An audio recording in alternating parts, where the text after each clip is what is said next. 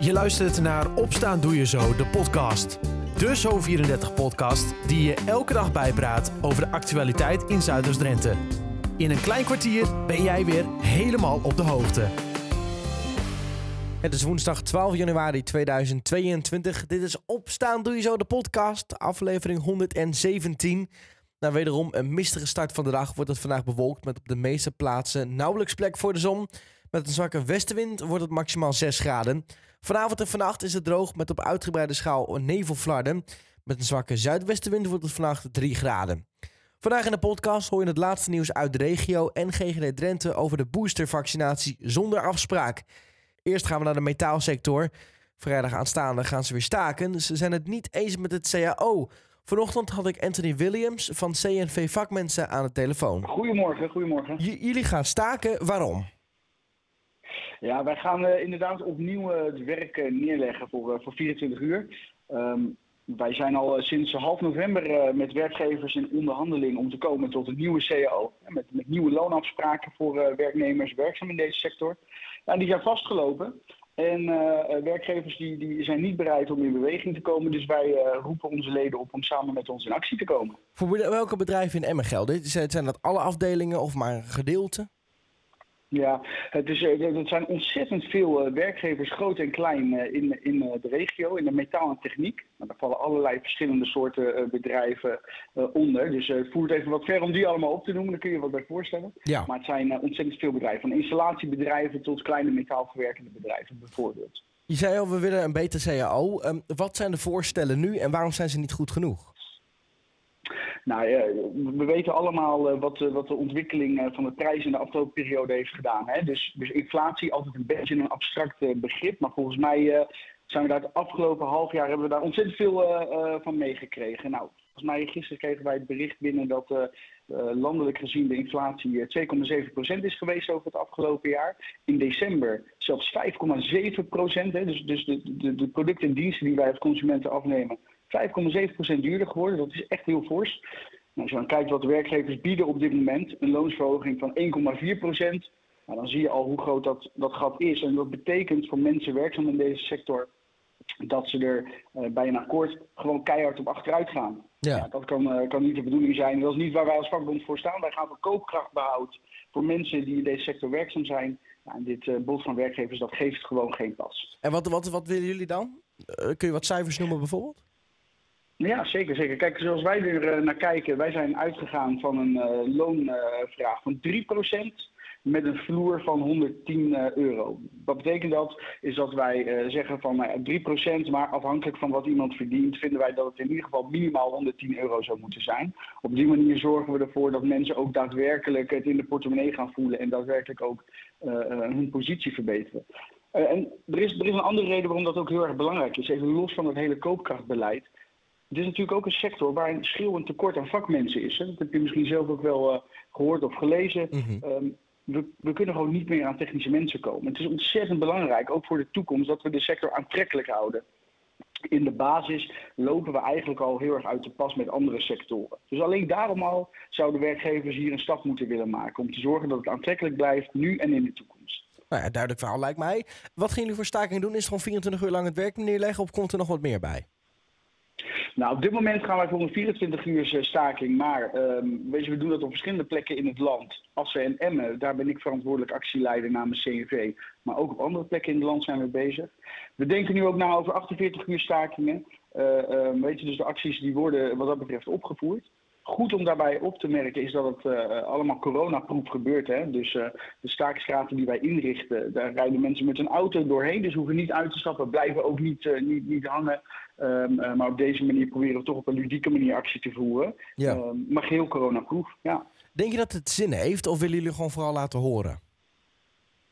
Nou, ik denk, denk zeker dat het, dat het zin heeft. Kijk, ik moet, ik moet je eerlijk zeggen, want ik, ik snap je vraag. Dat het mij al verbaast dat wij voor de tweede keer hier in Drenthe staan. Als ik dus schets eh, hoe de situatie is en wat, wat we zien aan tekorten in de sector en die, het feit dat die, dat loonbod heel erg uit de pas loopt met de ontwikkelingen van prijzen waar mensen mee worden geconfronteerd, verbaast het mij zeer Uh, maar het heeft zeker zin. We merken ook dat er een steeds grotere bereidheid is onder de mensen om ook in actie te komen. Zeker ook omdat die prijzen en, en, uh, en inflatie oploopt. Dus uh, ja, wij, wij, hebben een hele lange adem. Hè, dus we zullen door blijven zetten totdat wij weer in gesprek kunnen komen met werkgevers. En hun bereid vinden om een fatsoenlijk bod te doen. Ja, maar wat voor gevolgen zijn eventueel voor het bedrijf in kwestie die dan, die dan de boel hebben, waar, ja, waar het gewoon allemaal stil ligt?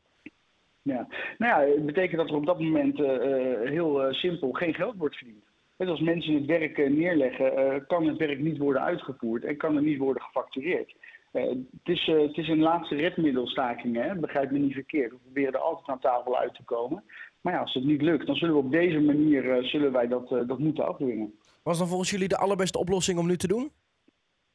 Nou, de allerbeste oplossing is dat partijen gewoon weer bereid zijn om aan tafel te komen. dus dat werkgevers in gaan zien dat wat ze hebben geboden, dat dat echt niet kan dat we echt met een serieus bod uh, moeten, moeten gaan komen. En ik zou zeggen, werkgevers, doe dat. en laten we gewoon snel het gesprek weer hervatten, zodat de mensen weer worden beloond naar werk. Het hele verhaal van Anthony en de staking kun je terugvinden op zo34.nl of in de gratis app.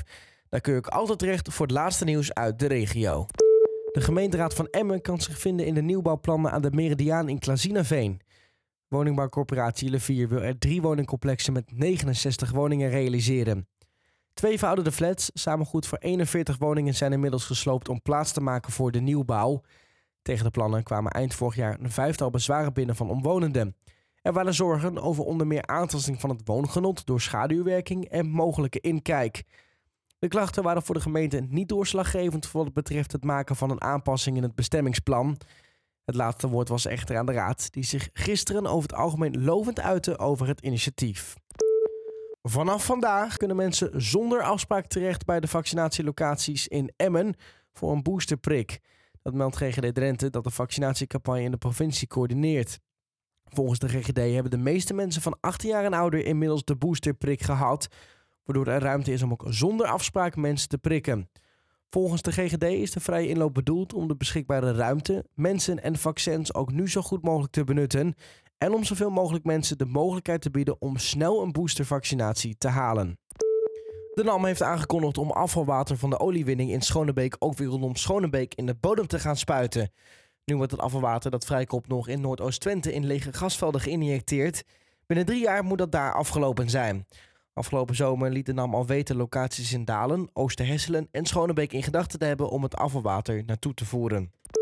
En hoe is het mogelijk dat twee van de veertien geplande windmolens van Energiepark Pottendijk te dicht op de aanvliegroute van Heli Holland te komen staan? Terwijl hier in de aanloop naar de ontwikkeling van het park rekening mee zou worden gehouden. Eigenaar van Heli Holland, René van der Haring, wil de onderste steen boven. Hij vindt de constructie te gevaarlijk, vertelt hij tegen verslaggever Rien Kort. Nou de eigenaar vindt dat ze er dichtbij staan. Uh, geen wenselijke situatie, uh, zegt hij. Ze moeten 200 tot 250 meter opschuiven naar het oosten.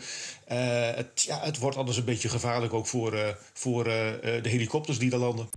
Tot zover het laatste nieuws uit de regio. Voor meer nieuws ga je naar zo34.nl of download je de gratis Zo34-app. Daar kun je ook lezen dat je vanaf vandaag zonder afspraak terecht kan bij de GGD voor een boosterprik. Marion Veenstra, manager testen en vaccineren van de GGD, had ik vanochtend aan de telefoon. Goedemorgen.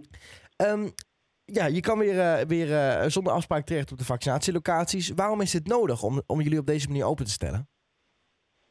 Nou, wij willen graag deze kans bieden aan alle burgers in Drenthe en ook de mensen daaromheen. Om op een moment dat het hun het beste uitkomt bij ons langs te komen op de locaties in Assen en Emmen.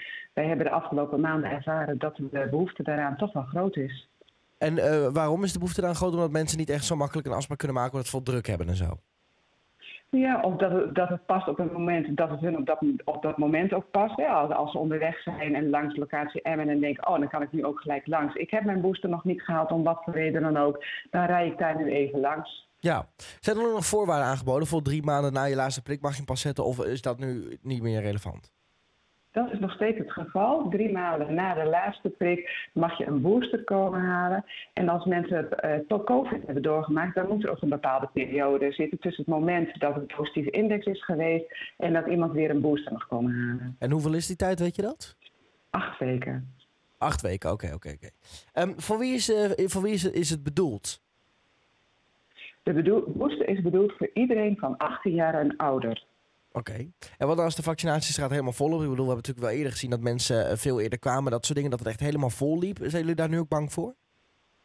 Nou, iets minder dan dat we hadden gehad toen we in hele grote aantallen uh, moesten prikken. Maar mocht het zo zijn dat een locatie toch weer helemaal vol loopt, dan zullen we dat via de socials en onze website laten weten en de oproep doen aan burgers om of naar de andere locatie te komen of een dagje later als het rustiger is. Maar wij verwachten dat we echt de mensen een vrij toegang kunnen geven. Nou, duidelijk. Uh, hoe hoog ligt de vaccinatiegraad? Dan heb ik niet over de boosters, maar gewoon de normale vaccinatiegraad uh, in Drenthe. Ja, die was zo rond de 87 procent. Uh, elke dag, of bijna elke dag, kijken we daarnaar van, van wat, wat doet dat in Drenthe. We hebben nu inderdaad de boosterperiode. En we gaan straks ook weer kijken wat is dan het percentage vaccinatiegraad inclusief booster. En op het moment dat we daar meer duidelijkheid over, eh, over, hebben, zullen we daarover ook in contact gaan met bijvoorbeeld gemeenten en huisartsen en dergelijke. om te kijken of dat we de vaccinatiegraad nog wat hoger kunnen krijgen. Hoe wij de burgers kunnen bereiken die toch nog twijfelen of ze een booster willen komen halen. Maar hij is, hij is nu sowieso dus al, uh, wat zijn nou 87% in Drenthe? Ja, dat geldt voor eerste en tweede eh, vaccins. Dus niet voor de booster. Daar wil ik al heel helder in zijn. Die cijfers zijn op dit moment nog niet beschikbaar. Okay. Maar dit geldt voor burgers die de eerste en de tweede prik hebben gehad. Is dat een graad waarvan jullie zeggen, nou ja, dat is te accepteren? Daar zijn we wel, wel, wel blij mee? Nou, wij zijn er sowieso blij mee. En of dat het te accepteren is, dat laat ik graag over aan mensen die daar meer deskundig in zijn. Uh, maar we zijn nog steeds bezig om mensen die twijfelen, ook over hun eerste en tweede vaccin, dat ze bij ons nog steeds van harte welkom uh, zijn. Want uh, nou ja, tussen 87 en 100 procent ligt altijd nog 13 procent. En mensen die daarin twijfelen en graag bij ons een vaccin uiteindelijk willen komen halen, zijn meer dan welkom. De mensen die erover twijfelen, um, hoe, hoe, ja, hoe zorgen jullie ervoor dat jullie de mensen alsnog kunnen overtuigen om alsnog een prik te kunnen halen? Of doen jullie daar niet aan? Nou, ik kan niemand overtuigen, mijn collega's ook niet. Wat wij wel kunnen doen, is goede informatie geven. Dat mensen ook de gelegenheid hebben om dat tot zich te nemen en daarover een besluit te nemen wat goed voor hen voelt. Oké, okay, duidelijk. Dus mocht er nu nog iemand uh, twijfelen, gewoon eventjes goede informatie opzoeken bij de GGD Drenthe en dan uh, je eigen keuze maken. Inderdaad. Het hele verhaal kun je teruglezen in de app of op zo34.nl. Tot zover Opstaan Doe Je Zo, de podcast van woensdag 12 januari 2022. Ik wens je een fijne dag en tot morgen.